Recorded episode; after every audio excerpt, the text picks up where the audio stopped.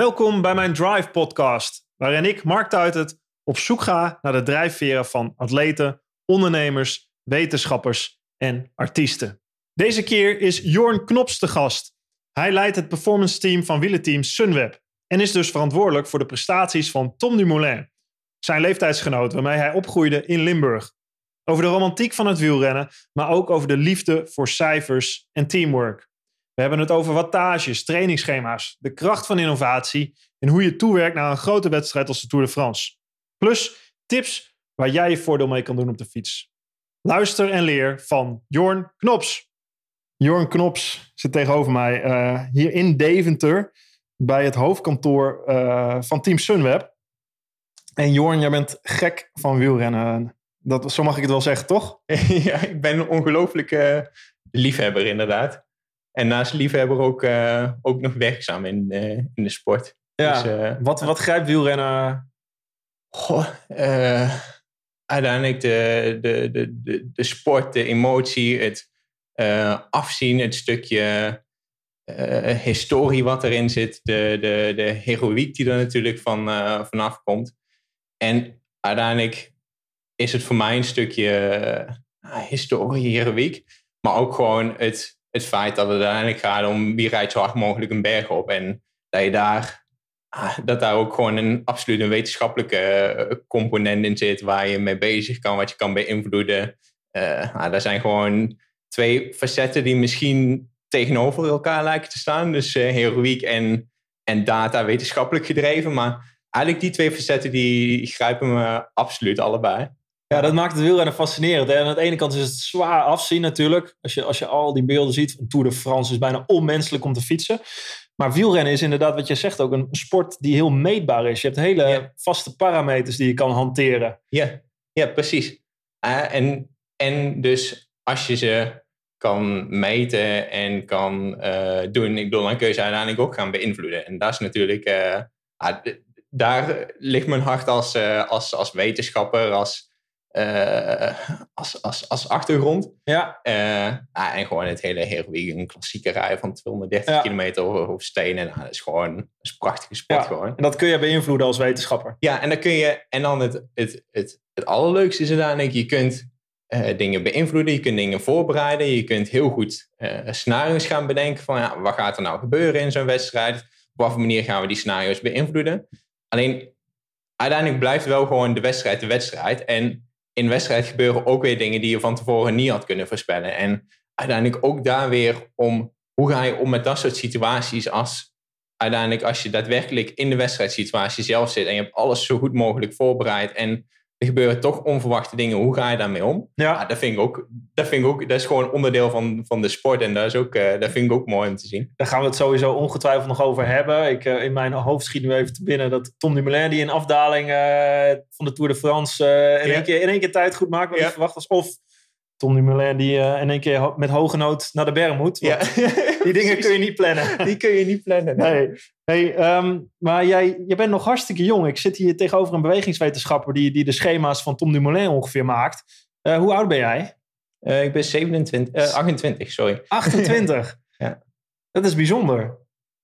Zo jong en al die verantwoordelijkheid.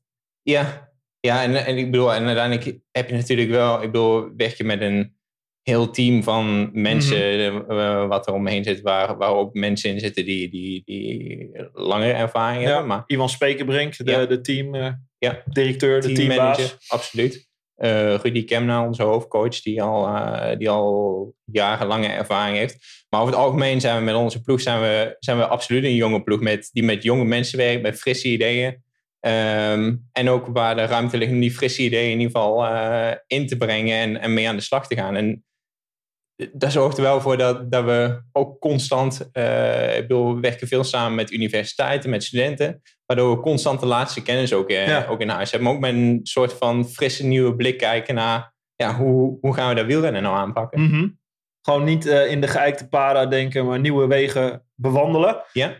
Wat is, als je het over een weg bewandelen hebt, wat is jouw eigen weg geweest naar, jij komt uit het wielrennen? Ja, Nee, ik heb zelf een, uh, tot, uh, ik ben redelijk laat begonnen met, uh, met fietsen. Ik heb eerst, zoals heel veel jongens, gevoetbald tot mijn, ik denk tot mijn 15e, 16e. Ja, kunnen we elkaar de hand schudden? Ja. Hier nog één. toen heb ik een keer mijn enkelbanden gescheurd. Nou, toen was ik, er eigenlijk, was ik er eigenlijk klaar mee. Toen ben ik, ben ik vooral gaan mountainbiken. hadden we bij ons in de regio ja, zoals je al zei, je kunt wel horen, ik kom uit Limburg, maar hadden we een leuke, hadden we een leuke regio-competitie daar in de, in de winter. Dus ben ik gaan mountainbiken en uiteindelijk ook wilde ik uiteindelijk in de zomer wilde ik gaan trainen voor het mountainbiken. Nou, zo ben ik ook op de weg gaan uh, rijden. En toen heb ik, uh, ik heb een aantal jaren uh, wedstrijden gereden. Um, in ieder geval op nationaal niveau, op internationaal niveau. Word ik bij de nationaal niveau kon ik aardig meekomen. Internationaal word ik gewoon, kon ik gewoon er niet meekomen. Ehm, en toen heb ik eigenlijk ook uh, ondertussen nog studie gedaan, bewegingswetenschappen in, uh, in Maastricht gestudeerd. Um, dat zeg je heel gemakkelijk, maar dat lijkt me een hele opgave. ja, dat, was, uh, dat was wel pittig, ja. Maar goed, ja, ja de, om op die manier studie, met, of studie en, en sport met elkaar te combineren. Ik bedoel, daar leer je ook wel weer veel van, van hoe, ja, hoe manage je tijd, hoe ga je met je tijd om, hoe ga je... het heeft me ook altijd gedwongen om uh, goed en efficiënt na te denken over hoe ga ik mijn tijd investeren en ook hoe uh, ga ik zo slim mogelijk om met de trainingstijd die ik heb. En eigenlijk dwong het mij daar al om elke, bij elke training te denken van hoe ga ik dit zo efficiënt mogelijk aanpakken. Het dwong je eigenlijk om slim te trainen in plaats van als kip zonder kop gewoon maar hard te trainen. Wat ik denk, als ik het hoor van heel veel mensen, dat de sport ook in zich heeft een beetje, is wielrennen is natuurlijk ook gewoon heel veel, heel hard trainen. Wat een beetje geromantiseerd wordt misschien ook wel. Ja, ja. Nou, dat wordt zo geromantiseerd inderdaad. Ik denk uiteindelijk dat het, ik bedoel, uiteindelijk is het ook, net zoals dat in elke sport is. Ik bedoel, elke sport is gewoon, moet je gewoon heel hard voor trainen om uiteindelijk aan, de, aan de top te komen. Alleen uiteindelijk gaat het natuurlijk wel om hoe doe ik dat slimmer dan de tegenstander. Ik bedoel, ook de tegenstander, die werkt gewoon heel erg hard. Dus, nou, en dan dus daar was je al mee bezig? Daar was, daar was ik al mee bezig.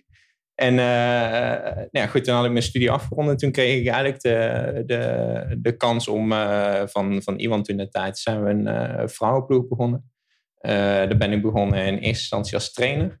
toen heb ik nog een jaar training, studie en, en zelffietsen gecombineerd. Nou, dat was uiteindelijk te veel. Ja. En toen heb ik gezegd van nou, dan, toen heb ik mijn studie afgerond. En toen mhm. ben ik hier bij de, bij de ploeg aan de slag gegaan. Hoezo kwam Ivan, Ivan bij jou uit?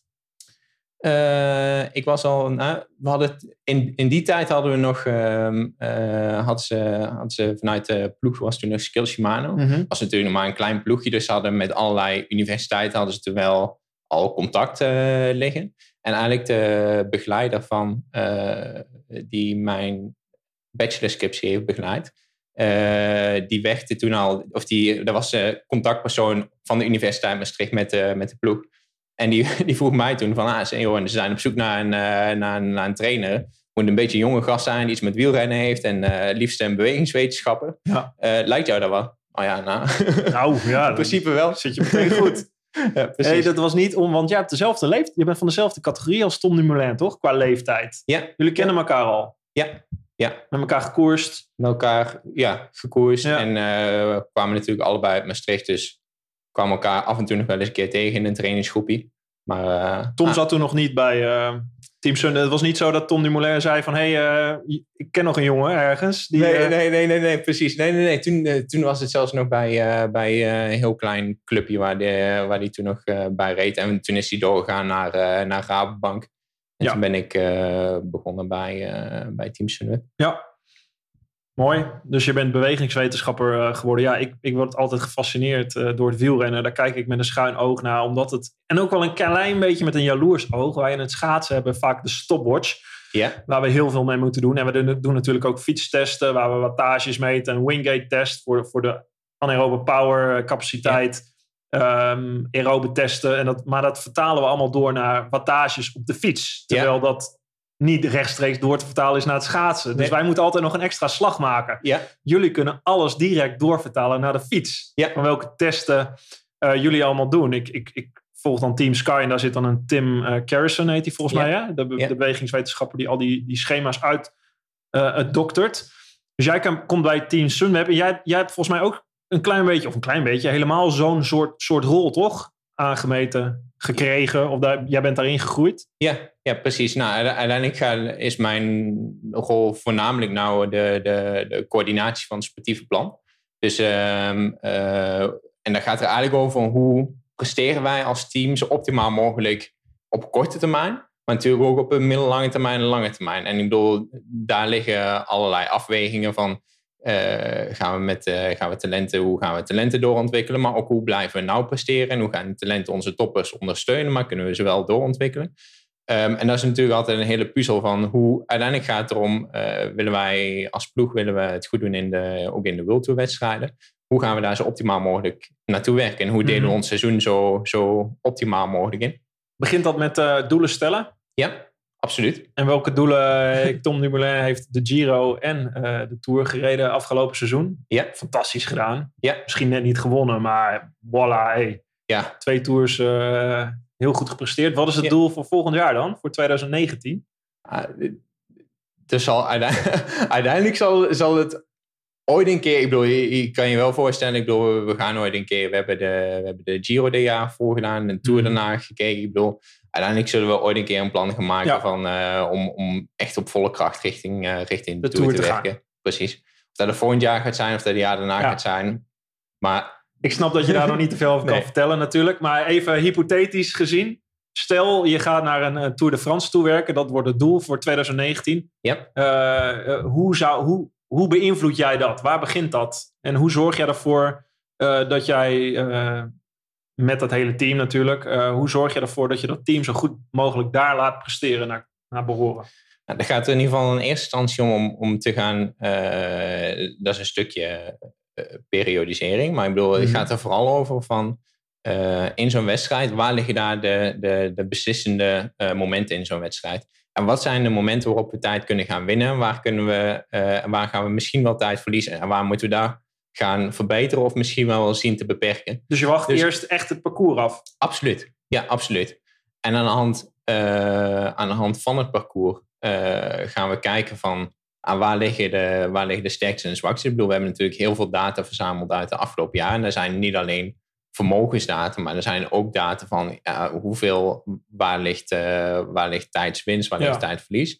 Ja, hoe doe je dat heel, sorry dat ik je ontbreek, om even om te beginnen inderdaad. Ik denk dat wat je net zegt, het begint met een analyse. Wat is parcours, maar ook de data van het verleden. Ja. Uh, hoe meet je die data? Even, hè, Tom Dumoulin is het mooiste voorbeeld waar jullie al jaren mee werken, misschien. Um, is dat een trainingsdagboek? Wat staat daarin? Uh, wat, wat voor systeem? Wat meet je op dag tot dag basis waarop je kan terugkijken? Uh, er zijn inderdaad in ieder geval sowieso verzamelen op dag, dagbasis natuurlijk uh. Dus uh, heb je elke dag heb je vermogen, hartslag, snelheid, hoogte, temperatuur, noem het op. En natuurlijk elke dag wordt die hartslag door bepaalde dingen beïnvloed. Vermogen wordt door bepaalde dingen beïnvloed. Nou goed, daar keer een slechte dag, een keer ruzie met je vrouw. Precies, ja. precies. nou, daar verzamelen we ook, ook in logboeken verzamelen we daar, uh, verzamelen daar uh, data over van uh, gewoon subjectieve data van hoe ging het nou vandaag en hoe voel je je. En, Wielrenners die schrijven iedere dag op wat ze die dag voel, voelden. Ja, ja, en hoe dat de training ging. Mm -hmm. komt, een stukje, komt een stukje feedback over, over hoe zwaarder de training voelde, over hoe, uh, hoe mentaal zwaarder het was. Ik bedoel, daar houden we gewichten in bij natuurlijk. Ja. Um, voeding? Voeding, uiteraard. Uh, uiteraard, belangrijk ding. Ik bedoel, ook daar, ja, nou, ook daar wordt in de, in, de, in de logboeken bijgehouden. Ik bedoel, daar liggen plannen voor. Nou, daar wordt ook weer eigenlijk hetzelfde als, als, als je een trainingslogboek hebt, heb je daar ook een gedeelte een voedingslogboek, uh, waarin gewoon wordt bijgehouden van ja, hoe, hoe is het plan vandaag uitgevoerd, hoe ging het? Ik, ik, ben, ik ben even wielrenner in jouw ploeg. Ja. Uh, in jullie ploeg. Ik ga naar de Tour de France. Ik heb data van drie, vier jaar. Wat heb ik, uh, ik noem maar wat, 20 juni, uh, vlak voor de Tour de France, tussen de Giro. Wat heb ik ingevuld op een dag? Ik, ik doe een duur-intensief training. wat, wat log ik? je, komt eigenlijk, je komt eigenlijk thuis. Ik ja. bedoel... Ja, ik, ga, ik word wakker. Je, je wordt wakker. Ja. Je, bent, je bent een renner in onze ploeg, je wordt wakker. Nou, dan ga je dan, uh, dan open je je, je file. Ik bedoel, daar komt in te staan uh, hoe heb je geslapen vannacht, uh, hoeveel uur heb je geslapen, hoe goed heb je geslapen. Dat doe ik bij het ontbijt. Dat doe je bij het open ontbijt. Open mijn file. Ja, okay. precies. dan, ga je, dan heb je ehm, eh, in ideaaldagen heb je een, een, een zelfs een ontbijtschema in ieder geval waarvan je ongeveer weet van ah, zoveel koolhydraten, vetten, eiwitten moet ik vandaag binnenkrijgen. Er is een ontbijt uh, in sommige gevallen, ik bedoel, als we in heel intensieve periodes zitten, op een dag zelfs uh, uh, afgestemd. In wat minder intensieve periodes, meer in globalere, in globalere termen afgestemd. Er staat gewoon in, Mark, in uw yoghurt met muesli en rozijntjes. Ja, precies. Of Mark, je moet vandaag 80 gram koolhydraten binnenkrijgen. Ja. dan kun je deze, deze, deze ja. ontbijt kun je, daarvoor, kun je daarvoor kiezen. En dan ga ik naar de weegschaal om een ontbijt af te wegen. Ja, ja. ja. ja dat is vrij extreem, hè, dit? Ja, ja, precies. Maar, en, en je, moet, je moet natuurlijk wel een onderscheid maken in de, in de minder extreme periodes en extremere periodes. Want die, zegt, Dus het is heel erg lastig om gewoon een heel jaar op een gram nauwkeurig te gaan kijken van wat eet je nou precies. Dus er zijn periodes waarin het gewoon iets vrijer is. Vlak voor een grote wedstrijd zou je zeggen, dan moet je echt zo op je gewicht letten. Je wil niet met een grammetje te veel ergens aan de start precies, toch? Precies, precies. Ja. En dan, ik ga trainen. Dan ga je trainen. Nou, tijdens je training dan, uh, dan uh, heb je hartslagmeter om, heb je je fiets, heb je je vermogensmeter. Nou, die ja. verzamelt, allerlei, uh, verzamelt allerlei data over je ritje. Nou, heb je, zeg, je hebt een mooie rit gemaakt van 5, 6 uur. Je hebt goed doorgereden. bent aardig moe. Oh, 5, 6 uur. Ik ben blij dat het puur hypothetisch is. Ja. Ik ben blij dat je geen topsporter meer bent. Nee, heb ik gehad. Ja, precies. 5, 6 uur. Ja, goed. Nou, goed. Lekker ik plof op de bank, ik gooi mijn fiets in de hoek en ik denk vandaag uh, het is goed geweest. Vandaag is het goed geweest, maar voordat je dat doet, dan denk je van, oh wacht even, ik zal eerst mijn data nog even uploaden. Want kunnen in ieder geval al de, ja. al de andere mensen... wordt Jorn kwaad. en mijn trainer en mijn voedingsdeskundige. Ja, en, uh, het hele team staat op. precies. dan kan in ieder geval al de rest uh, door met de data. Dus ik bedoel, je stapt van van de fiets af, data wordt geüpload. Um, en vervolgens is het gewoon inderdaad lekker op een bank ploffen, fiets in de hoek en, uh, en herstellen. Beentjes in de lucht herstellen. In de lucht herstellen. Even nog wat drinken. Ja. Eten. Eten. Dat is inmiddels dan avondeten bijna als je zes uur op uh, de fiets hebt gezeten. Ja, precies. En dan tijdens dat je op de bank ligt, open je je laptop weer. Dan mhm. gaan een paar uh, comments in over hoe zwaar was de training en hoe voelde die nou. Hoe zwaar was de training? Is dat, is dat nog op een schaal die je aangeeft? Ja, we, hebben, we werken met uh, eh, RPE-scores. Dus ja. uh, dat is een schaal van 6 tot 20, waarin we aangeven... Nou, perceived effort. Rate, of, rate of perceived exertion. Exertion, ja. Rate of perceived exertion. En dat is voor ons vooral belangrijk om, om te zien van... als wij nou objectief meten van mm -hmm. uh, een training is gewoon heel erg zwaar geweest vandaag. Of, of juist misschien objectief meten van deze training is licht geweest. En iemand zelf geeft aan van, oh, die training voelde heel erg zwaar. Dus als die uit elkaar gaan lopen, dan kun je natuurlijk... Dan gaan je lood, dan gaat, dan gaat je schema in de war lopen. Precies, precies. Of dan moet je zeggen van, ah, nou, dit is een moment waarin we dit effect ook willen creëren. Of moet je aangeven van, ah, dit is een moment waarop dat we dit effect niet willen creëren. Morgen gaan we even een uurtje minder doen om wel gewoon de juiste trainingseffecten te aan. Heb jij dan, als je die data ziet, uh, analyseert en het gaat niet volgens wat je precies bedacht had, bel je dan meteen op?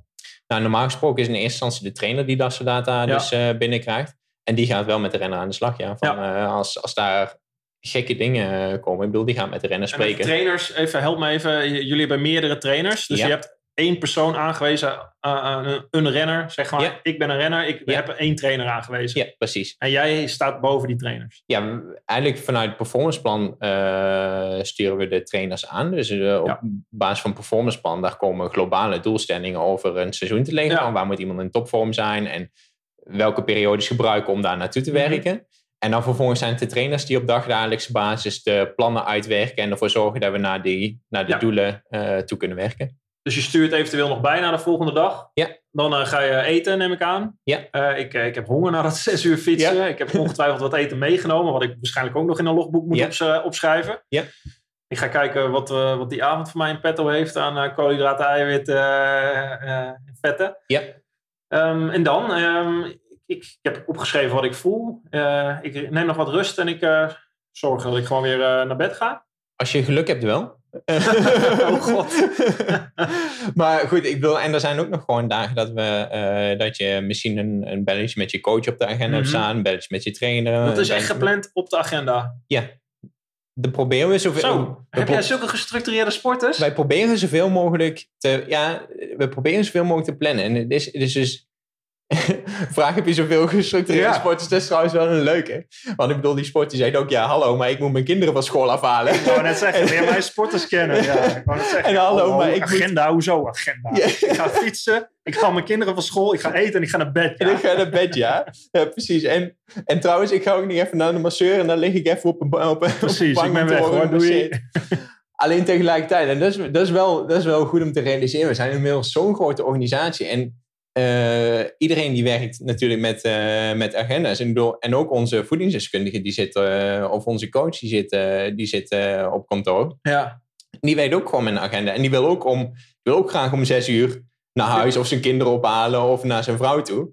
En daarom is het dus wel Nee. belangrijk voor ons om, die, om zoveel mogelijk structuur aan te brengen. Wel gewoon afspraken met elkaar te maken. Van dan bellen we met elkaar en dan gaan we wedstrijden voor bespreken. En daar spreken we over de voeding van, van deze week. ja. En ik herken alle dingen, met, ik herken alle zaken met sporters die ongestructureerd zijn. Want dat is bij ons ook niet anders. ik Maar wou net zeggen, jullie, hebben geen robots, toch? we hebben geen robots, nee. Zouden we af en toe heel makkelijk vinden, maar Maar is bij een andere ploeg zo, zo, eh, Ja, zo schijn, schijnbaar. Nou, Schijnbaar. niet natuurlijk. Nee. Nou ja, en gelukkig hebben we ze ook niet. Want ik bedoel, eh, dan zou het, eh, ik bedoel, soms zouden we het willen dat alles, eh, alles helemaal loopt zoals we uitdenken. Maar ik bedoel, ook is het fijn om af Ja. en toe nog, eh, nog gewoon mensen tegenover je te hebben die gewoon terugpraten. En dan heb je op een dag, ehm, weet je wat je gaat doen. Jij zegt, eh, jij je bent verantwoordelijk voor de periodisering. Dat is natuurlijk, dat gaat micro, dat is een dag meso, macro. Over, Ja. het, over de lange periode na een wedstrijd toe. Hoe schets je het beeld van een dag na een heel seizoen bijvoorbeeld? Waar, waar leg je de accenten, waar leg je de pieken? Als we even teruggaan naar dat parcours, wat we weten voor, voor zo'n belangrijke ronde. Hoe eh, periodise- periodiseer je dat? Vanaf, vanaf de winter begint dat, neem ik aan. Ja, eigenlijk moet je het andersom bekijken. Want we gaan natuurlijk nooit van dag naar eh, groot kijken, maar altijd Ja. van groot van waar beginnen we, waar Van het einde naartoe. terug, Precies, van het einde terugwerken. En als ik dan bijvoorbeeld eh, de, de Giro en de Tour van afgelopen jaar er, erbij pak. Ik bedoel, op een gegeven moment dan wordt dus het parcours wordt, wordt bekend. Nou, dan is duidelijk dat er eh tijdrit in zit, dat er een aantal aankomsten bergop in zitten, dat er eh, een tijdrit in, eh, in zit. Ehm, en dan gaan we kijken van, zijn er nog de, de, de, de renner die Tom Nauw is met, met zijn fysieke kwaliteit op het gebied van tijdrijden, op het gebied van klimmen. Ehm, als hij die fysieke capaciteiten één op één zou houden richting Ja. de Tour van volgend jaar, waar zou die dan uitkomen? En daar gaan we dan kijken van, ah, als we nou een beetje eh zeggen, moeten we meer accent gaan leggen op het, eh, op het klimmen, moeten we meer accent gaan leggen op het tijdrijden, noem Ja. maar op. Daar gaan we eh, naar kijken. Dus daar komen, daar volgen uiteindelijk weer trainingsplannen uit. Je kan je bijvoorbeeld voorstellen, stel dat volgend jaar de Tour een heel gedeelte door Spanje gaat en er liggen allemaal steile muren liggen, daar, liggen erin. Ik bedoel, dan ga je op een andere manier moeten trainen dan, want Ja, want dan moet die lichter zijn. dan moet die lichter zijn. Inderdaad, Omdat precies. je kilogram lichaamsgewicht per wattage, eh, dan nog, dat, hoe Nog- steiler het wordt, hoe meer dat gaat tellen nog, toch? Ah, je weet nog aardig veel van wielrennen. ik, vind het, heel- ik vind het ook superleuk om te horen, maar ik ben hier zelf ook veel mee bezig geweest. In het schaatsen is het veel minder eh, dat eh, kilogram tegenover wattage verhouding. Maar ja, eh, het periodiseren, naar een piek toewerken in een wedstrijd, dat is fascinerend. En dat is bij jullie zo mooi te meten. Dus ja. Ja. je en- komt in Spanje, je hebt geen muur. Ja, Of wel een muur. Ik, ik ga nog heel even in op die, Ja? van, op die van jou. Want uiteindelijk, waar je mee moet vergelijken. Ik bedoel, uiteindelijk een 10 kilometer, een 5 kilometer schaatsen en misschien een, een 500 meter sprinter. Die willen allemaal op hetzelfde moment goed zijn. Bijvoorbeeld op het WK of bijvoorbeeld op Olympische, Ja. op Olympische Spelen. Dus voor iedereen is de periodisering hetzelfde. Alleen hun eh, rol in die wedstrijd, of wat wij dan een rol noemen. Ik bedoel, uiteindelijk eh, onze vlakke mannen en, onze, en Tom, die werken allemaal naar de Tour de France toe. Moeten allemaal daar hun piek eh, hebben. Alleen, ze werken wel met een ander soort training daar naartoe. Want uiteindelijk hebben wij er niks aan om die vlakke mannen nog iets beter te gaan laten klimmen. Want dan komen ze misschien nog twee kilometer verder mee op die klim. Maar ja, ik bedoel, als ze daardoor uiteindelijk de power voor het vlakke verliezen en het positioneren verliezen, dan hebben we uiteindelijk niet de kracht die we willen hebben. En dat is hetzelfde op een, een 10 kilometer schaats. Dan ga je niet trainen op, eh, op de sprint, want daarvoor verliest hij gewoon te veel van zijn 10 kilometer eh, krachten. Dus we gaan heel erg goed kijken van hoe, eh, waar liggen de beslismomenten? Ja. Hoe gaan we onze toppers, uh, of uiteindelijk de, Mhm. de, de mannen die het daar moeten doen, hoe gaan we die, voor, uh, die daarvoor trainen? En hoe richten we onze ploeg in voor zo'n uh, voor zo'n wedstrijd? Wat voor kwaliteit hebben we daarin, daarin nodig? Nou is Tom een mooi voorbeeld. Dat is een tijdrijder. Ja. Um, puur sang, niet voor niks wereldkampioen. Hij, je, je krijgt zo'n schema, of het nou een Giro is of een Tour. Um, hoe, hoe werkt dat dan? Wat ga je, je, je, stel je hebt een parcours van de afgelopen Giro, waar ook tijdrit inzetten, maar ook gewoon eigenlijk alles. Ja. Hoe, uh, hoe, hoe werkt dat terug? Hoe uh, zorg je dat hij uh, goed is? Misschien ook nog wel in de, in de beslissende week ergens. Ja. Leg, Ja. hoe, kun je ons meenemen, terugrekenend vanaf de Giro naar, naar wanneer het parcours opgebouwd is, die periodisering? Ja, precies. Dit is vrij lang materie, maar heel, heel, kun, je dat ingewikkeld, kun je dat ingewikkelde verhaal eh, zo makkelijk mogelijk eh, uitleggen? Ja, daar ben ik meestal niet zo heel erg goed in. Maar, ik ga wel een poging Probeer het, ja. ik zeg maar, de, ehm, eh, uiteindelijk wat we proberen te doen is proberen in ieder geval, je hebt altijd van tevoren heb je al een aantal doelen liggen waarin je eh, eigenlijk een soort van eerste piek creëert in zo'n seizoen. Nou, die lagen afgelopen jaar lagen die, de, lagen die in, in Abu Dhabi en in Tirreno. Lagen voor ons eh, Eh, meerdaagse rittenkoersen. meerdaagse rittenkoersen waar we in ieder geval in het voorseizoen naar, naartoe werken. En uiteindelijk heb je dan gewoon een, een, eh, een heel brede opbouw van je, van je seizoen, waar in eerste instantie veel duurtraining wordt gedaan. Eh, richting, die, eh, richting die wedstrijden toe wordt gewoon, de training wordt steeds specifieker. Ja. Dus je gaat meer intervals doen, eh gaat meer op de tijdritfiets trainen, eh gaat meer... eh, uiteindelijk hoe dichter je naar de wedstrijd komt, hoe meer specifiek dat het echt gereden is op die specifieke wedstrijd. Ja. En Abu Dhabi is, was een, een relatief eh, ja, simpele koers. Want er zijn gewoon twee beslismomenten waar. Er waren drie sprints, was een tijdrit en dan was een bergop aankomst. Ik bedoel, dan kun je dus heel specifiek trainen voor die tijdrit en voor die bergop aankomst. Ik bedoel, dan weet je dat je uh, tijdfiets mee moet En dan heb je het over energiesystemen toch eigenlijk? Ja, Want uh, wat je eerst zegt, je begint met, met duurwerk. Ja. Dat, is, dat is het aerobe, het zuurstofsysteem. En je werkt eigenlijk toe uiteindelijk, dat, bouw je, dat, dat is de basis waarop je bouwt, toch? Ja, precies. precies. En je zorgt ervoor dat in die winter die basis breed genoeg is. Ja. Ehm, Meet je dat trouwens? Hoe, hoe, wat, hoe die basis is en hoe? Ja, uiteindelijk hebben we daar een, hebben we daar een aantal testen voor die we, waarmee we wel kunnen kijken van hoe, hoe goed zijn die, uh, hoe goed is de duurbasis en is die weer een stap beter geworden ten opzichte van afgelopen Noem jaar. eens een test. Uh, wij gebruiken meestal de 20 minuten test. Uh, en daar meten we aerobe capaciteit in grote gedeelte. En wat is de 20 minuten test? 20 minuten berg oprijden, zo hard mogelijk. Je, je, is all-out berg oprijden 20 minuten. Ja. En dat is zonder zuurstofmeting? Zonder zuurstofmeting, zonder... Zonder lactaat? Ja, precies. Dit is best opmerkelijk, toch? Want, ah. want vroeg, is dit ook wat je zegt een nieuwe inslag van het wielrennen een beetje? Want ik, ik ben gewend geraakt, ik ben maar een simpele schaatser, ja. om met een oxycon op een, een testfiets uh, wat, uh, stappen te doorlopen. Ja. Uh, en die opgebouwd worden, om ja. zo ergens mijn omslagpunt te bepalen. Ja, en wat wij eigenlijk proberen te doen is zo... Um, want wij vinden het op dit moment niet waard om elke keer met iedereen het lab in te gaan. Ja. Uh, kost trainingsdagen? Kost training, kost belangrijke trainingsdagen en kost ook gewoon tijd van iedereen om, uh, om naar het lab toe te gaan. Mm -hmm. Um, en wij zeggen en we willen eigenlijk de, zo praktisch mogelijk de data verzamelen waarmee we. Eigenlijk willen we gewoon zo praktisch mogelijk zeggen van ah, als iemand hier een betere 20 minuten test rijdt, dat we ook gewoon weten dat hij Hardenberg, uh, dat hij gewoon Hardenberg oprijdt. Ja. En als je nog een stap dieper zou gaan en je zou echt willen weten van hoe werkt nou eens een zuurstoftransport precies in, de, in, de, in je lichaam, dan moet je inderdaad het lab in gaan. Alleen voor nu zeggen wij gewoon van ja, dat heeft voor ons nog niet de toegevoegde waarde waarvan wij denken van, uh, dat die nodig is om, uh, om nog meer informatie te krijgen. Je versimpelt eigenlijk. Je kiest echt puur Precies. de waardes eruit die je wil hebben en de rest is ruis. Is ruis, ja. Voor nu wel in ieder geval. Ja. En welke waarde is dan doorslaggevend als je het aerobe eh, systeem meet in 20 minuten bergop? Kijk, uiteindelijk voor. Uh, uiteindelijk wat je in, uh, in wedstrijden en duurvermogen ziet, is dat de, de beste jongens op alle vlakken, dus op klimmen, op, uh, maar ook in het Vlaams werk, die rijden gewoon hoge 20 minuten waarde.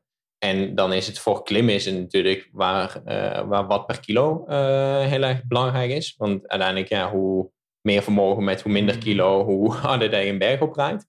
Uh, maar voor het vlakke, als je dus meer richting Vlaanderen en een Parijs-Roubaix uh, gaat, dan wordt ook een stukje het absolute vermogen wat je weg Ja. kan trappen, wordt Ja. belangrijk.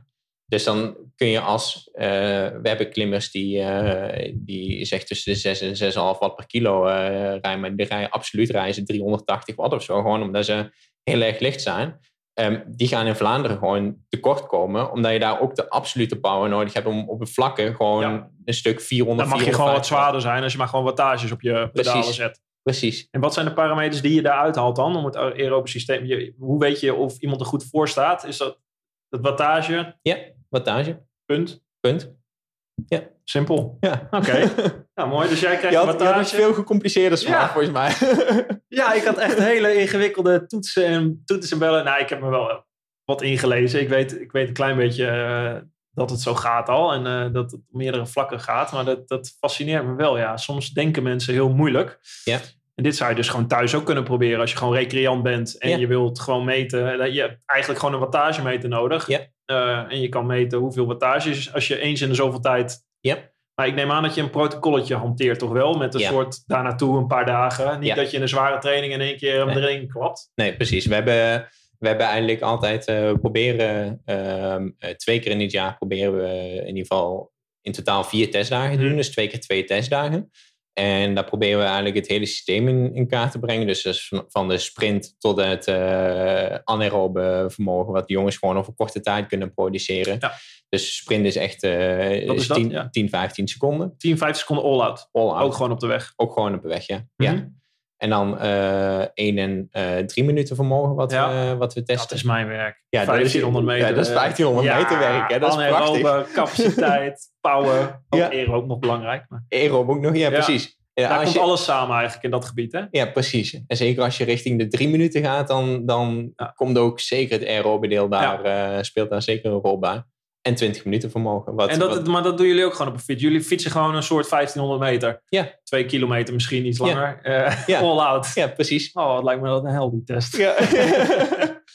dan kun je volgens mij heel veel mensen de hand schudden bij ons.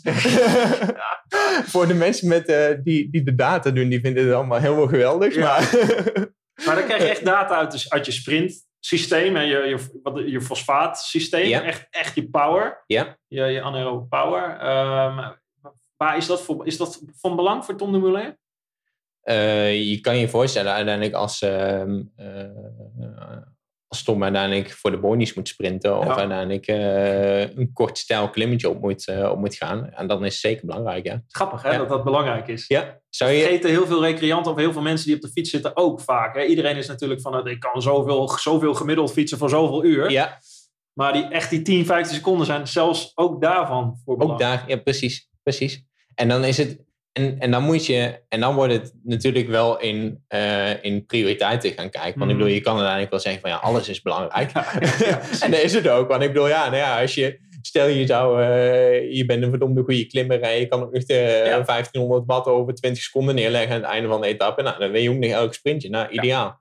Alleen, dat werkt natuurlijk niet. Dus eh, daar moet je wel keuzes maken van gaan we nou of kiezen om, eh, om, eh, om vermogen op die sprint verder te brengen. Of gaan we kiezen om, eh om erop de volgende stap te maken. En dan moet je wel goed af gaan weten. Ik bedoel, en dan is dat is natuurlijk- gewoon jouw werk, toch? En Dit. dat is mijn- dat Deze is- keuzes maken. Exact, exact.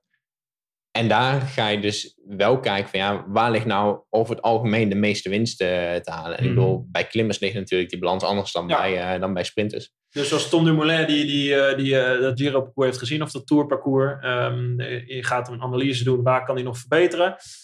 Ik, dit is mijn eh, estimated guess, dat zal altijd waars- waarschijnlijk bergop zijn. Ja. Ehm, hoe, je weet zijn waardes, dan ga je aan de slag met het, met het schema. Ja, en daar gaan we doelen neerzetten. Van ja, ik bedoel uiteindelijk die Mhm. Dat zijn waardes- wattages, wattagedoelen. wattagedoelen, ja. Of eh wattagedoelen of wat per kilogram eh doelen. Dus Een combinatie tussen training en, eh, en voeding. Ehm, eh, dan leggen we die doelen neer van nou, we willen daar weer de volgende, de volgende stap maken. En daar gaan dan uiteindelijk de trainers mee aan de slag. Die Ja. gaan daar concrete plannen op maken. Joh, ja, Ja. mooi. En dat moet allemaal samenkomen op het moment suprême. Ja, precies. Precies. En los daarvan trekken we natuurlijk, eh, ik bedoel, afgelopen jaar in de, in de Tour de France was bijvoorbeeld de ploegentijd natuurlijk een, een heel ding. Ik bedoel, dat soort zaken die trekken wij er ook uit. Die trekken ook naar ons toe. En daar, gaat dan, eh, daar gaan we dan uh, samen met de wetenschappelijke expert. We hebben vorig jaar hebben een, uh, een groot project gedaan met de TU Delft. Waarin we dan gaan kijken van, hoe kunnen we nou die ploegentijdrit voor ons gaan, gaan verbeteren. En daar gaat het dus niet alleen over doelen van die we stellen voor Tom, maar gewoon ook over van hoe verbeteren we nou onze ploeg? Hoe maken we daar weer de volgende stap mee? Om ook gewoon die beslismomenten en in controle te zijn. En te weten van wat is nou optimaal. En daar ook op de juiste manier op te kunnen sturen. En wat zijn dan de parameters van ploegentijdrit die echt van cruciaal belang zijn waar, waar je nu achter bent? Uh, volgorde van uh, renners, lengte van beurten die essentieel is. Die bepaal je al van tevoren. Je weet gewoon als de jongens starten, jij draait zo lang, jij zo lang, jij zo lang. Ja. En ze weten ook op welke wattage. In grote lijnen wel, ja. ja. En dat is natuurlijk niet op een wat nauwkeurig uit te meten. Ik bedoel, dat, hmm. daar zou ik ook nog wel, uh, zou ik voor de lange termijn wel naartoe willen. Maar, Jij wil alles kunnen controleren, of zoveel mogelijk. Ja. Liefst zou ik alles willen controleren, maar dat is, ik, dat is ik heb een bewegingswetenschapper als coach gehad. Hè? Ja, ja, precies. Ja, dus ik, ken, precies. ik ken die drang. Het liefste zou ik alles willen controleren, maar ik bedoel, dat is een utopie. Maar eh, ik zou heel graag gewoon stap voor stap heel veel de stap voor stap willen proberen om elke keer iets meer te begrijpen en te snappen en weer een volgende stap te zetten om dingen te begrijpen en te kunnen controleren en te kunnen beïnvloeden. Dus. Ja, dus je hebt een, een team uh, wat zo optimaal mogelijk draait. Oh, wat, ik ben jaloers daarop, joh. Want wij, wij rennen een ploegachtervolging. En wij waren ook bezig met hoe dicht we achter elkaar moesten rijden. om de aerodynamische draft zo, zo gunstig mogelijk te gebruiken. Maar uh, wij, wij, bij ons was altijd maar gokken of aanvoelen hoe lang iemand op kop kon rijden die dag. En weet je, dat, konden we, dat hadden we niet op een computertje van ik ga nu zo lang op kop rijden ongeveer op dit wattage. Nee. Om het zo samen te stellen. Ja, precies. Dat is wel het mooie van wielrennen. En dat was, dat was bij ons natuurlijk eerst ook het geval. Dat we zeiden van ja, uh, ik ging uh, op gevoel en ja. proberen daar iets langer. En ik bedoel... kreeg een beetje ruzie onderling nog. Van ja, jij zat nog langer doortrekken. Ja, ja, precies. En dan is ook nog wel, ik bedoel, je zit vaak voor zeg voor 60, 70 procent zit je ook nog wel aardig in de goede richting. Ja. Alleen, uiteindelijk is er ook nog een groot deel te winnen waarvan je zegt van, ah, als we dat ook nog optimaal doen en we maken daar afspraken over en we weten van elkaar waar we staan en we weten, uh, als er iets gebeurt met iemand, weten we ook hoe dat we erop gaan vangen. Nou, ik bedoel, dan ben je natuurlijk veel, dan ben je veel meer in controle van het hele spelletje. Ja, meer 60, 70 procent. Het gaat natuurlijk om die laatste 10, Precies. die laatste half procent. laatste half procent uiteindelijk, ja. ja. Hey, hoe is het, uh, daar ben ik nog even daar ben ik heel nieuwsgierig naar. Hoe is het om met iemand als Tom uh, Dumoulin samen te werken? Dat is gewoon de beste wielrenner die wij hebben in onze generatie. Unieke sportman. Uh, heeft een grote Tour gewonnen. Uh, en dat zijn er niet vele gegeven in onze vaderlandse geschiedenis. Ja. Joop Zoetemelk, Jan Jansen. Um, hoe is het om met hem samen te werken? Het lijkt me ook een slimme jongen. Ook eigen gereid. Hoe, hoe is dat? Ik, ik bedoel, je zou uiteindelijk aan de, aan de, aan de trainer en aan de coach moeten vragen. Ik bedoel, die werken op dagdagelijkse basis met hem samen. Maar nou, jij kent hem goed, van, vanuit, vanuit je Precies. jeugd al bijna. En ik, ik denk, ik bedoel, Tom is natuurlijk een, uh, een, een, een slimme, intelligente gast die ook zelf wel goed weet waar hij naartoe wil.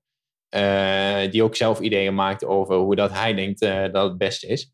En ik moet zeggen dat ik het vaak wel gewoon leuk vind als mensen, en ook wel uitdagend vind als mensen een heel duidelijk eigen idee hebben. En ook zeggen van ja, maar hier ben ik het niet mee eens, want om die en die reden denk ik dat het zo is. En dan krijg je een, een heel mooie, krijg je mooie discussies tussen uh, wetenschap, uh, praktijk. Um, en soms dan is het is, is absoluut de wetenschap gewoon heel duidelijk. En zeg je van, ah, zo moeten we het gewoon gaan doen. Er is eigenlijk geen twijfel over mogelijk. En om die, die, die reden uh, kloppen je argumenten niet. Maar het is ook vaak dat er, dat er vanuit de uh, praktijk voorbeelden komen. En we zeggen vanuit de wetenschap zou, zou het dit moeten zijn. Alleen dat je in de praktijk eigenlijk ziet van ja, eigenlijk op een of andere manier werkt het niet. En dat er argumenten komen vanuit de praktijk die zeggen van ja, maar wat is dit weer voor bullshit, kutplan en hier gaan we niet meer werken. Uh, en als je dan door gaat vragen en in gesprek gaat, dat je uh, aanknopingspunten vindt waarvan je denkt van ah ja, hier hadden we niet aan gedacht om, uh, om in het plan mee te nemen. En dan heb je dus wel sterke mensen nodig die ook zich uitspreken en uh, daadwerkelijk zeggen van, daadwerkelijk ook een eigen idee maken. Want ik bedoel, dan kom je uiteindelijk verder. Heb je daar een voorbeeld van? Bijvoorbeeld zo'n discussie die jij met Tom hebt gehad uh, ergens over, waar wetenschap en praktijk uh, botst? Ah, we, hebben, we hebben natuurlijk, uh, maar dat is niet, niet per se met, was niet per se met, met Tom, maar gewoon in het algemeen afgelopen jaar ploegentijd het voorbeeld. Ik ga hem nog een keer, nog een keer pakken. maar we hadden een heel duidelijk, we hadden op basis van, van de praktijk, of op basis van de wetenschap, hadden we een heel duidelijk idee gemaakt over lengte van beurten, volgorde, noem het op. Alleen het was wel anders dan dat we altijd gedaan hadden. Ah, en dan kom je, dan stuit je natuurlijk op weerstand, omdat ja, het is gewoon, ik bedoel, mensen zijn niet gemaakt om direct te veranderen. Ik bedoel, daar ben jij niet, daar ben ik niet. Je wil je vastigheden hebben. Je wil, Helemaal precies. als de druk hoog is in zo'n wedstrijd, dan... Precies, ja. precies.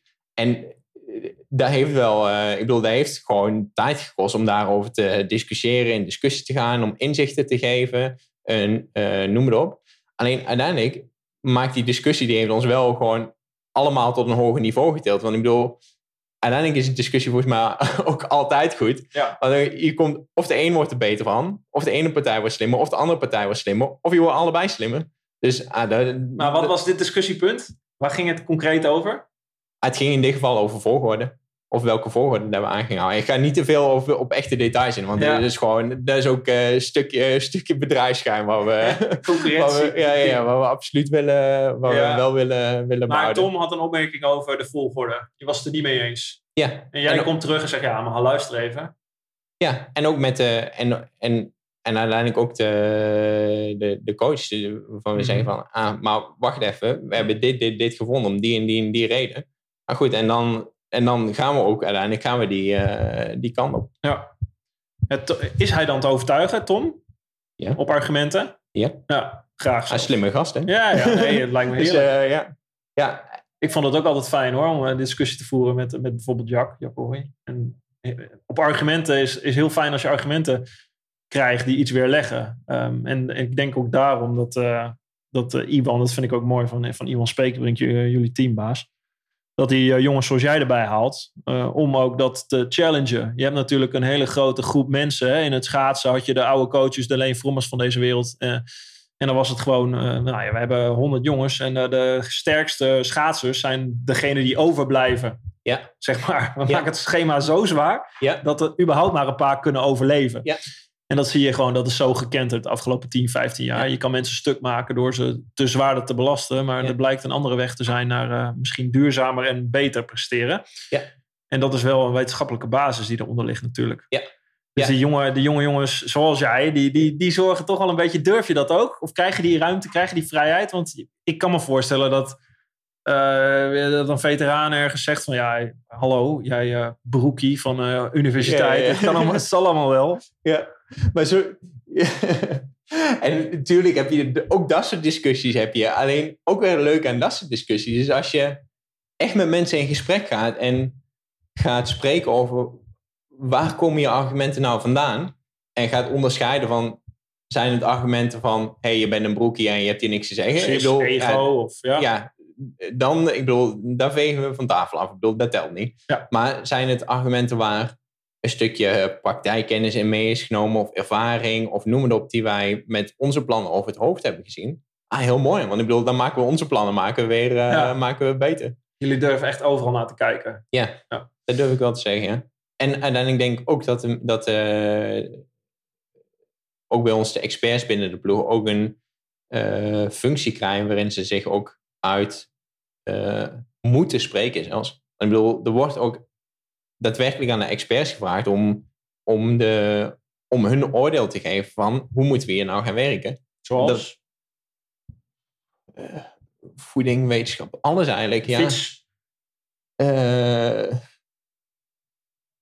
even moeilijk om... Uh... Wat zegt een, een voedingsexpert over over iemand die een klassieker moet rijden. Moet hij zich daaruit over uitspreken van hey, let op, je moet dit en dit en dit doen? Of, of een wielrenner die ja, maar uiteindelijk, uiteindelijk maakt dus een voedingsdeskundige bijvoorbeeld, die maakt gewoon een, een voedingsschema. Van, ah, dit, dit zou je vandaag moeten eten. Ik bedoel, en uiteindelijk de coach, die coach daar weer op van, ja. dit zou je vandaag... Uh, en uiteindelijk als dat niet gebeurt, ah, dan hebben we weer een discussie over wat is daar misgegaan. Ja. Ik bedoel, en daar wordt wel van op uitgegaan dat we de kennis die we hebben binnen een ploeg, die, die de wetenschapper inbrengt. En of dat die wetenschapper nou 26 eh, is, of dat die 34 is of 42 is, dat dat de juiste kennis is. Het gaat om de inbreng van kennis die gewaardeerd wordt.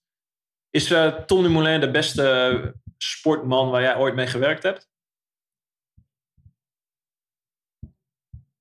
Ja, ik heb nu niet heel erg veel ervaring, maar ik, kan me, ik kan me geen beter op dit moment... Uh, Wat maakt hem zo goed?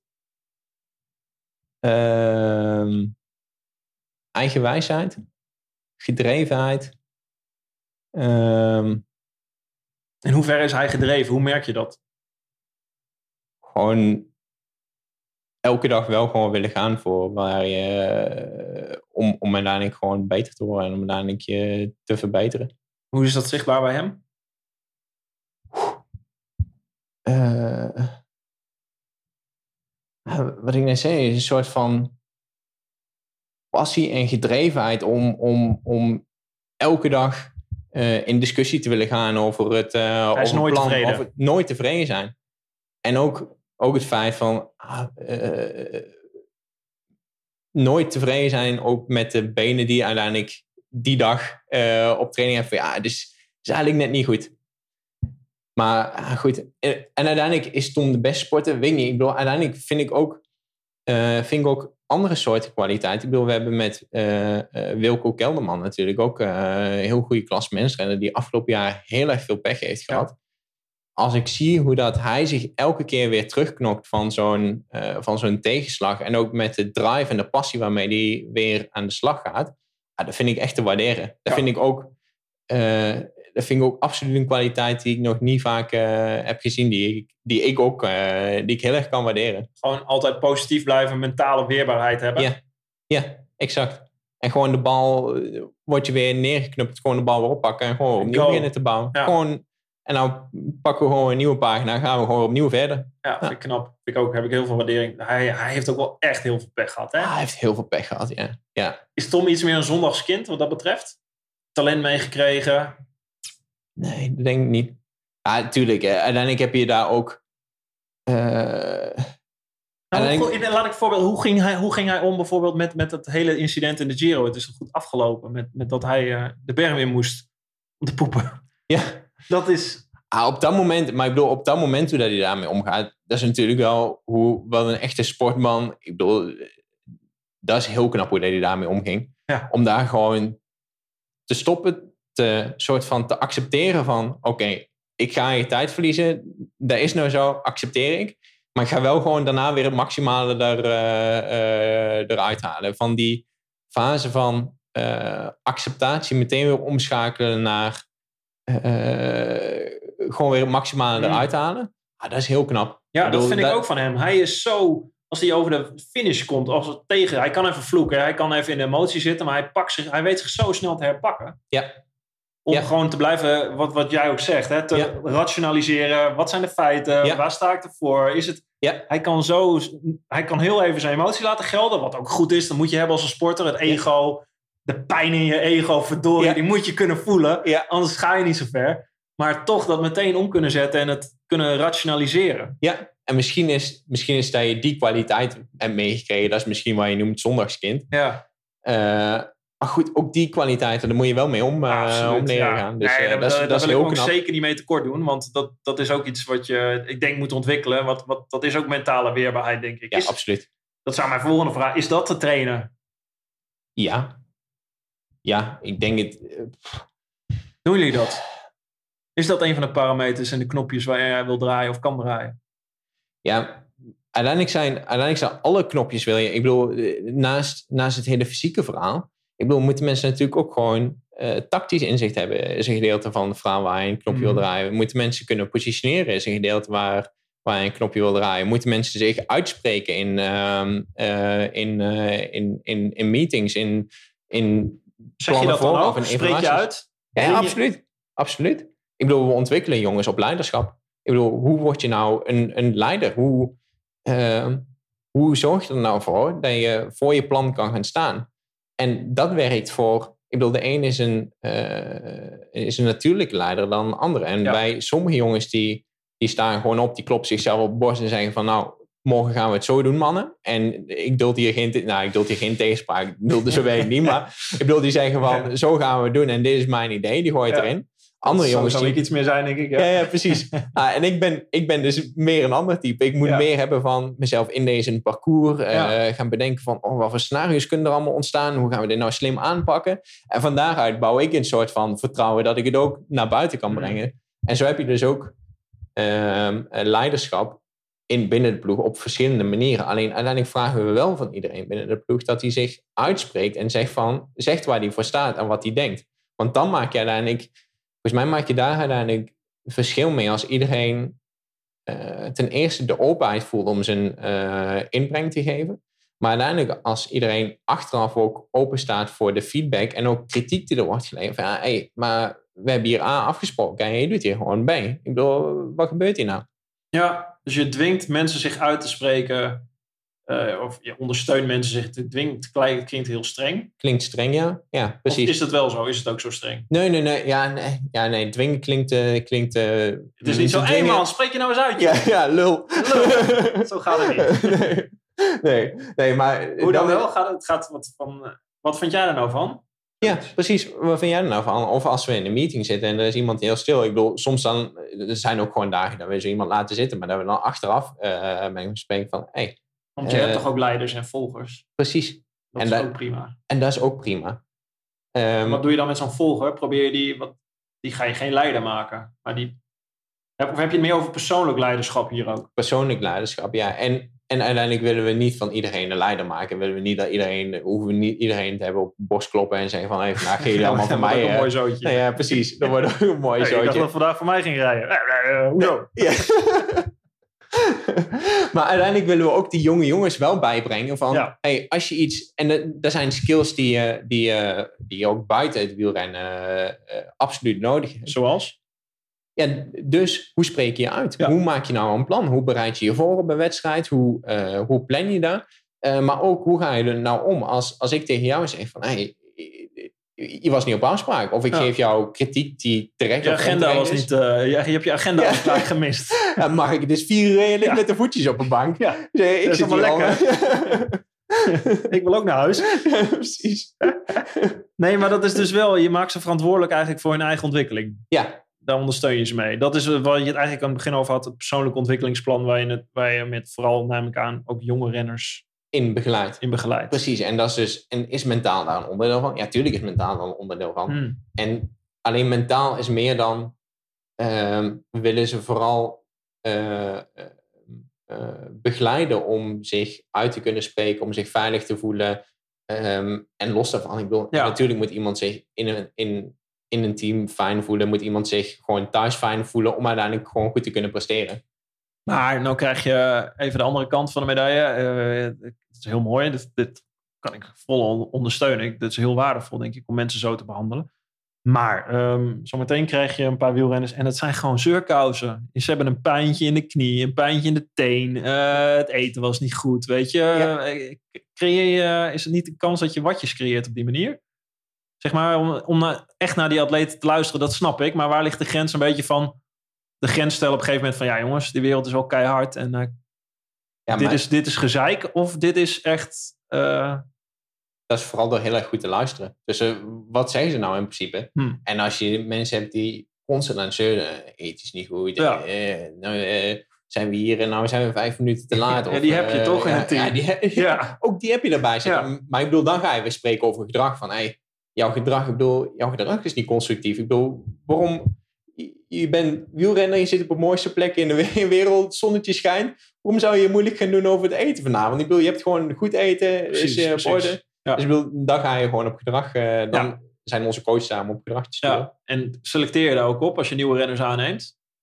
Kan dat überhaupt? Ja, ja, ik denk het wel. Ik bedoel, uiteindelijk selecteren we wel op naast dat ze fysieke borden uh, moeten zijn. Uh, kijk natuurlijk ook wat voor karakter heeft iemand. Is een, ja. is een open persoon? Is het iemand die in een ploeg zou passen? Is het iemand die samen wil werken? Noem maar op. Als dat uiteindelijk niet matcht, ja, dan is dat ook geen match met onze ploeg uiteindelijk.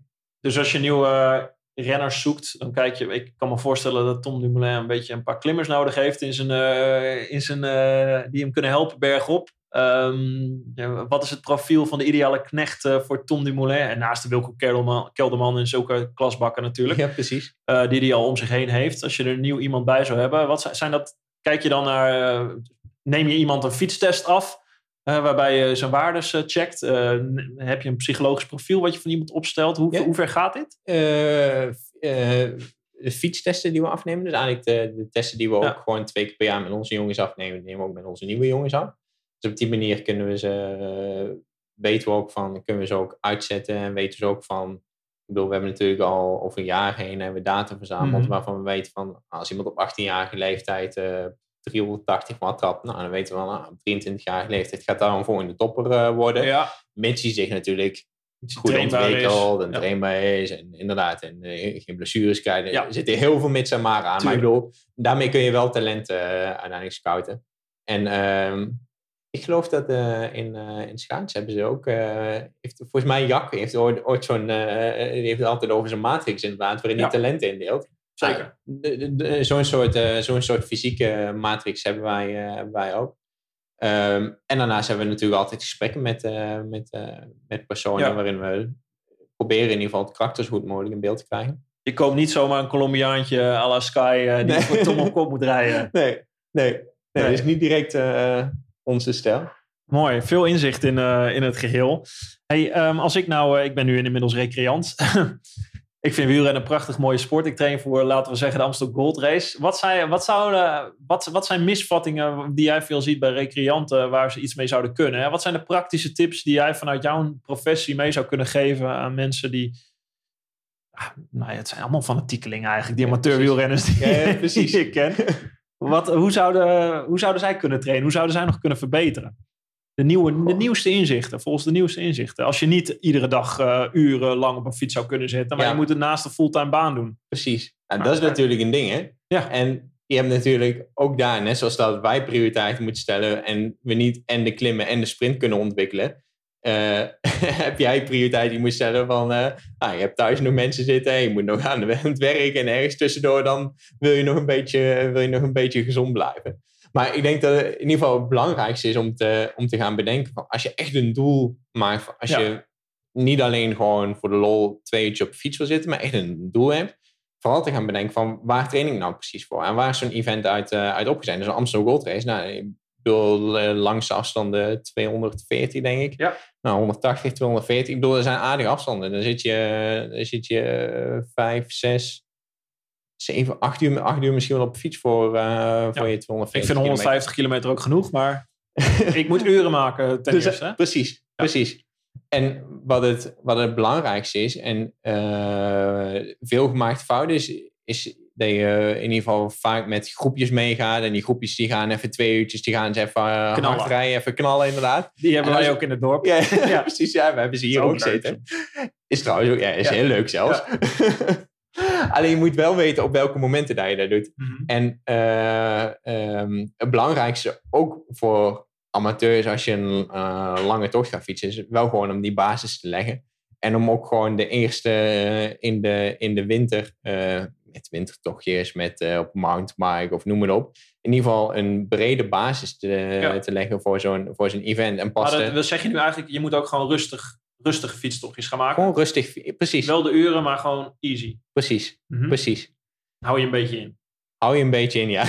en als je, daar, als je, als je het uren maken eh, echt goed wil doen en je hebt nog wat te investeren en noem op, dan zou ik inderdaad zeggen van koop een powermeter. Ja. Want dat zijn, dat zijn heel, eh, heel makkelijke tools om uiteindelijk te zien van eh, hoe hard moet ik gaan. Dus koop een powermeter, doe een 20 minuten test. Ja. Eh, daarin kun je goed afleiden van waar ligt mijn omslagpunt en kun je dus ook je zones bij, Ja. bij berekenen. Nou, Dat wel je opslagpunt, dat is het punt waarin je echt het rood in gaat ja, eigenlijk. hè? precies. precies. Waar, hoe haal je dat eruit als je een, omsla, als je een wattagemeter hebt? Eh, wij houden meestal aan 95% van je 20 minuten test. Ja, eh, van je 20 minuten waarde. 95% van het wattage eh, wat, je over, wat je max trapt na 20 minuten of het gemiddelde? Het gemiddelde. Het gemiddelde wattage Het gemiddelde over 20 over 20 minuten, daar 95% Ja, van Precies. is je omslagpunt. Dat is ongeveer je omslagpunt. Oké, En eh, ik moet je de namen even. Eigenlijk, eh, je Mhm. omslagpunt kun je invoeren in een formuletje. En daar krijg, je, krijg je zones uit. Ik moet je de namen van die, van die mannen, formules. van de formules die, eh, die je uit mijn Car- hoofd. maar- Caravone? Formule van dat Caravone zou heb je goed volgens mij, hè? Dat is een... eh, ja, ik, Ah, ik dan moeten die mensen maar, dan moeten die mensen maar internet. dat Google maakt. Je hebt een aantal formules, daar kun je met die wattages mee aan de slag. En dan kun je vanuit je omslagpunt terugrekenen. Dan weet je, hè, onder je omslagpunt ben je aero bezig. Precies. Ja, dus als je een rustige training hebt, ga daar sowieso niet boven. Nee, precies. Ah. en dan ga je, blijf vooral in je, eh, inderdaad, wat je noemde in je duur 1 zone en Duur je duur zone, 2 zone. Ik bedoel, de duur 2 is al intensiever als je inderdaad met, toch met die mannen meegaat en uh, een keertje in de laatste wiel blijft zitten. Dan, uh, dan zit je vaker in dat soort Maar dan ben je bijna bij zo'n Amsterdam Gold Race. Er zitten een aantal heuveltjes. Ik wil de Kouwberg opknallen. Ik wil de Keutenberg opknallen. Dat is veel meer dan alleen maar aeroop Precies. rustig fietsen. Precies. En dan ga je dus naarmate dat je dus uh, Amsterdam Gold Race is in april. Nou, ik bedoel, je hebt een goede basis gebouwd in november, december, januari, februari. Nou, dan zorg je ervoor dat je in, uh, in maart dus wel nog een paar keer die kortere, uh, kortere intervalletjes doet. Ja. En dan, Wat is dan een korte intervaltraining? Minuut, minuut, 30, 45? Twee, drie minuten. Zeg twee, drie minuten.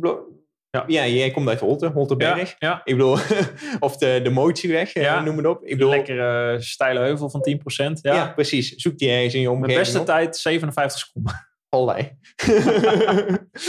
Moest hij even zeggen. Ja, ja. Tegenwoordig Strava zeg je, ik heb de kom daar. Ja, precies. Ja, die heb ik gehad. Heb ik gehad. Totdat uh, een ploeggenootje van mij, ook uit Deventer trouwens, Thomas Krol, uh, uh, nog een keer de wilde aanvallen. En die, die haalde hem ook nog. Zo, jezus. Nou ja, goed. Moet je ooit nog een keer terug? Ja, nee, die hoop heb ik opgegeven. Ik ga daar niet meer komen. Mijn, mijn anaerobe power en capaciteit, die zijn niet meer toereikend. Want als je dat gaat als eerste ja, eraan, als, je, als je minder vaak traint. Ja, precies. Dus uh, die zijn eraan. Maar, maar om die, dat deed ik wel vaak. Ja. Daar, daar, om af en toe, die, je moet die intensiteit wel opzoeken. Ja, en, en wat uh, nou, een heel leuke oké training. Of nou, leuk is die meestal niet, maar uh, is zo'n klimmetje opknallen. Nou, daar is echt bij je twee minuten mee bezig. Ja. Nou, dan rij je weer rustig omlaag. Heb je even vier, vijf minuutjes, heb je vier, vijf, zes minuutjes, heb je rust. En dat doe je een keer of vier achter elkaar. Nou, dan ben je meestal aardig, aardig, aardig, aardig leeg. Precies. En eh, pak je even een kwartiertje, pak je, pak je rust. En dan doe je nog één of twee keer totdat je echt helemaal leeg bent. Ja. En met dat soort trainingen trek je dus je hele systeem, trek je, je anaerobe systeem trek je helemaal uh, leeg. Maar train je het dus ook om dat soort hellingjes dus vaak achter elkaar aan te kunnen. En dan ga je op zijn Amsterdam Gold Race natuurlijk niet elke helling volle bak oprijden, maar wel het. Uh, er zijn ook allemaal hellingjes van twee, drie minuten die je constant achter elkaar doet. Dus daarmee simuleer je eigenlijk gewoon wat je daar wil gaan doen. Dus je hebt die systemen wel getraind als je, als je de berg op je gaat. Ja, dus je begint met een goede basis, aeroop. Laat je niet gek maken af en toe. Hou je aan je hartslagwaardes. Koop een vermogensmeter. Duur 1, duur 2 kun je trainen.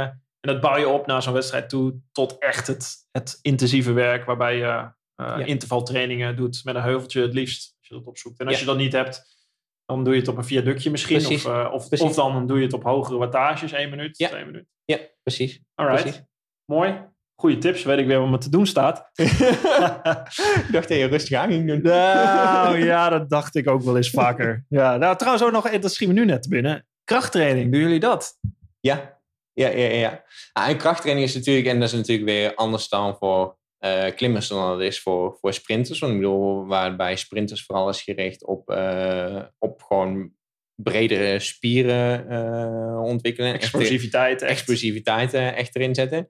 Is het bij, is het bij klimmers er juist op gericht om gewoon juist niet de bredere benen te ontwikkelen. Je wil geen hypertrofie, je wil geen spiermassa hebben omhoog. Precies, precies. Maar je wil wel de, de, dit is een stukje recrutering van spieren die je anders niet gebruikt, die je dan wel uh, gaat gebruiken. Ja, ja, het gaat ook echt om de neurologische aansturing van je spieren precies. voor die klimmers. Dat je als je moet staan, precies. dat je het even vrij kan maken. Ja, precies. En dat je, en dat je gewoon uh, efficiënter gewoon ja. je spieren gaat samenleren. Maar hoe doe je dat dan? Noem, noem, wat is een voorbeeld van een krachttraining voor een klimmer of een, of een één oefening? Doen die squats? Ja, die kunnen squats doen, ja. In de winter of doen ze dat ook nog in de zomer? Uh, in de zomer is het iets, iets, uh, iets minder. Maar ik bedoel, sprinters die gaan echt toe naar... Uh, die beginnen gewoon rustig... eigenlijk al onze renners die beginnen gewoon rustig op te bouwen. Vooral in eerste instantie met core stability. Lichaam klaarmaken voor, voor, voor krachttraining. Ja. En die beginnen gewoon rustig met de gewichten stap voor stap op te bouwen. Tot uiteindelijk ehm, zeg je gaat van, uh, van een uh, 60 kilo squat naar 70 kilo squat naar 80 kilo squat, totdat je uiteindelijk met veel herhalingen die squats kan doen. En dan gaan ze echt in één keer afbouwen. Dus weinig herhalingen en dan echt maximaal kracht om, ja. om uiteindelijk... Grappig, je gaat, wel je gaat wel naar een maximaal krachtscenario toe, ja. waarin je maar ja.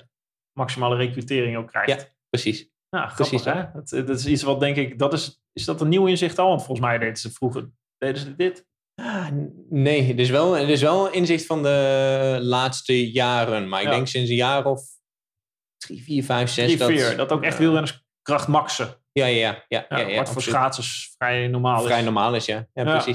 Precies. Ja, want eh, en ik, ik kan me helemaal voorstellen voor sprinters zoals jullie een kittel in de ploeg hadden. Ja. Die moeten gewoon maximale waardes kunnen trappen in een eindsprint, toch? Absoluut, ja, Ja. precies. En daar geldt ook weer van... eh uiteindelijk moeten ze wel aan die sprint komen. Ik bedoel, dat is een van onze dingen die, waar we met... eh, we hebben met eh, Max Walscheiden een groot, eh groot sprinttalent. Ja, Dat is wel heel erg leuk, want die sprint gewoon... Als je zijn absolute sprintwaarde ziet, ah, ongekend. Ik bedoel, die, die kan echt boven de 2000 watt pieken. Nou, dat, is, dat is, zie je niet heel erg veel. Eh, zou een schaatsen kunnen zijn. zou een schaatsen kunnen, ja, of een dat. baansprinter. Precies.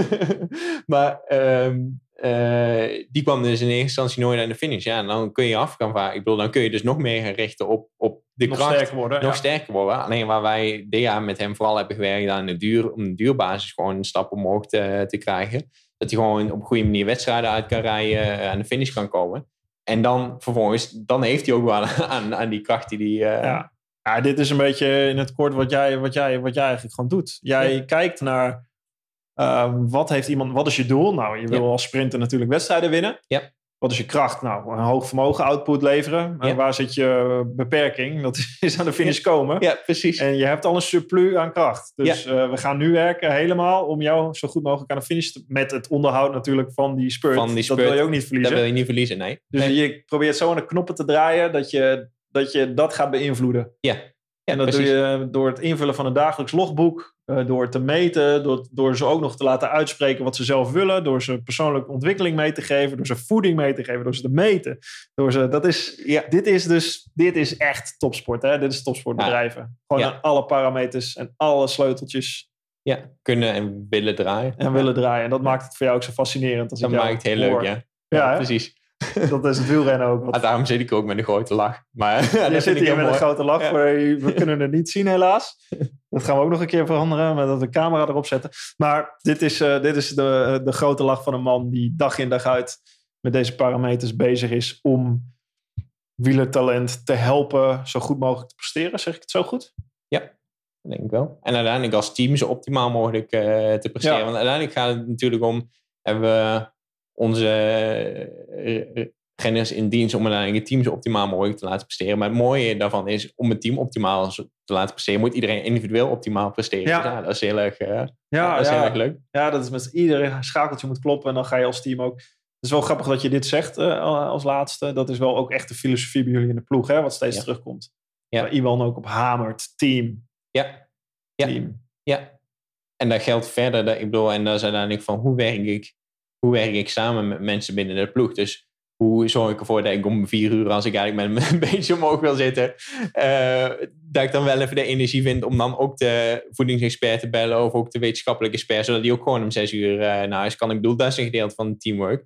Je denkt mee Maar- aan, je, je bent verantwoordelijk ook voor je team. En je, denkt, je hebt geen egootje. Je denkt van, ja, als atleet, want het team... Niemand is belangrijker uiteindelijk dan Ja. het team. En dat, is, dat, is, dat zie je Ja. uiteindelijk. eh, nou, wat er, in dit soort dingen zie je het eigenlijk nooit. Eh, maar binnen de wedstrijd zie je natuurlijk wel waarin we, ja, ik bedoel, Ik, waar eh, mensen elkaar helpen. ja, eh, of juist niet. Ik, ik kan me een voorbeeld herinneren van Warren Bagil. Kan ik me ook nog herinneren. Ja. Ja. Ja, hoe, hoe ging dat? Die wil Ah. zich niet meer inzetten voor het team. Uiteindelijk heb je ook soms, eh, Ging helaas, als, ging als context, die ging als grote ster met een bolletjestrui de Ronde van Frankrijk uit. En die zou, eh, die zou, voor, eh, die zou voor Wilco gaan supporten in, eh, in de Vuelta. Ehm, maar had hij uiteindelijk toch andere ideeën bij. Ah, dat is wel, nou, dan trekken we daar ook consequenties op. Om, om, Die werd Ja. gewoon uit koers gezet. en, dat is, en dat is voor ons niet per se om te zeggen van, ja, nou ben je een slecht persoon of weet ik. Nee. Maar wij willen gewoon afspraken maken. En die afspraken die hadden we, die, die maken we voor elke wedstrijd maken we die. Ehm, en dan willen we vervolgens ook dat die afspraken gewoon, dat we die van elkaar nakomen.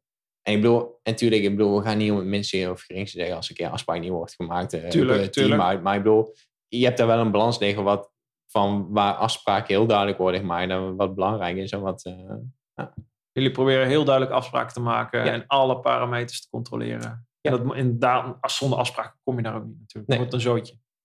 precies. Mooi. Dankjewel voor het gesprek, uh, Jorn. Heel leerzaam. Uh, ja, ik vond het echt heel gaaf. Ik vind het zulke boeiende, interessante materie. Uh, het is zo meetbaar allemaal. Het is zo te controleren. En toch blijft het ook weer allemaal mensenwerk. Ja. Waar je, zoals je mooi zegt, een team voor nodig hebt van hele goede mensen. Ja. Waaronder begeleiders. ik denk ook zoals jij. Dus um, heel veel succes in ieder geval met het, uh, met het team en met de, de voorbereidingen op het seizoen en in de toekomst. Um, ga je volgen en um, nogmaals, dank. Ja, dankjewel.